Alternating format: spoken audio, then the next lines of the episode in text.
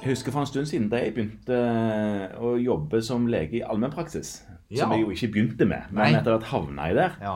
Da var det enkelte som kom og skulle ha liksom eh, den vanlige sprøyten, for nå var allergisesongen i gang igjen. Ja. Det de tenkte på da, det var en steroidesprøyte. ja. Og så har man brukt litt tid på å avlære befolkningen dette, at det var ikke kanskje så veldig god idé, akkurat det. For flertallet er jo ikke det førstevalget. Nei, men nå virker det som, eller i alle fall er min erfaring, at færre og færre spør om det, og har fått med seg at det var, der var det mange, mange skjær i sjøen. Absolutt. Eh, Og nå er det sånn hyposensitivisering som er tingen, hvor man enten går og får sprøyter, og så kommer man og får sprøyter på Hyposensibilisering, kanskje? Ja, det ordet der.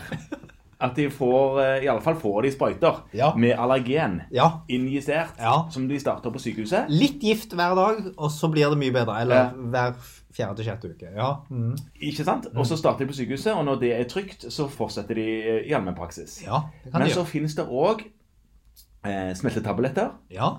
Eh, og det har vi jo visst om lenge. Det har vært for gress.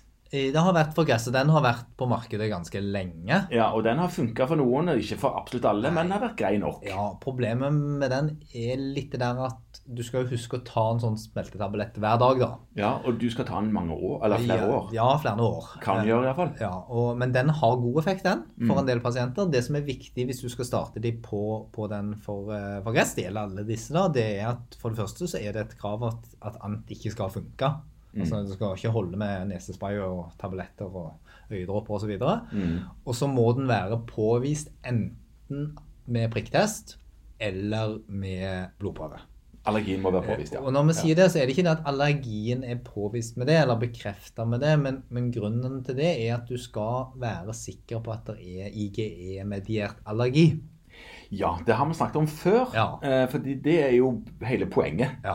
Mm. Eh, Sånn at hvis ikke allergien er IGE-mediert, så er sannsynligheten for at en hyposensibiliseringsbehandling kommer til å funke, Mm. mye, mye mindre. Ja. Eh, Så da skal du ikke gjøre det. Nei. Og så er det kommet noe helt nytt nå, og, det er at det nå har kommet også sånne smeltetabletter Ja. for husstøvmiddel. Ja. Det var det jeg egentlig skulle eh, fram til Ja. her nå. At de smeltetablettene fins òg, og det fins òg andre smeltetabletter. Ja, det fins for bjørk. Ja. Mm. De for bjørk de har ikke fått noen refusjonsordning ennå. Nei, Så det er ganske dyrt. Ganske Ja, kostbart. tror omfanget av det blir nok relativt begrensa. Ja. Men eh, de for eh, husstøvmidd, de har det. Så der kan du òg få det på blå resept, gitt at de samme forutsetningene er oppfylt. Ja, de må være manglende kontrollert med vanlig behandling, og de må ha påvist det enten med prikktest eller med sånn blodprøve for, for spesifikk IGE. Ja. Eh, Og så må det også er det også et vilkår da i, i denne forskriften at behandlingen skal startes kun av spesialist med allergologisk kompetanse. Ja. Ja.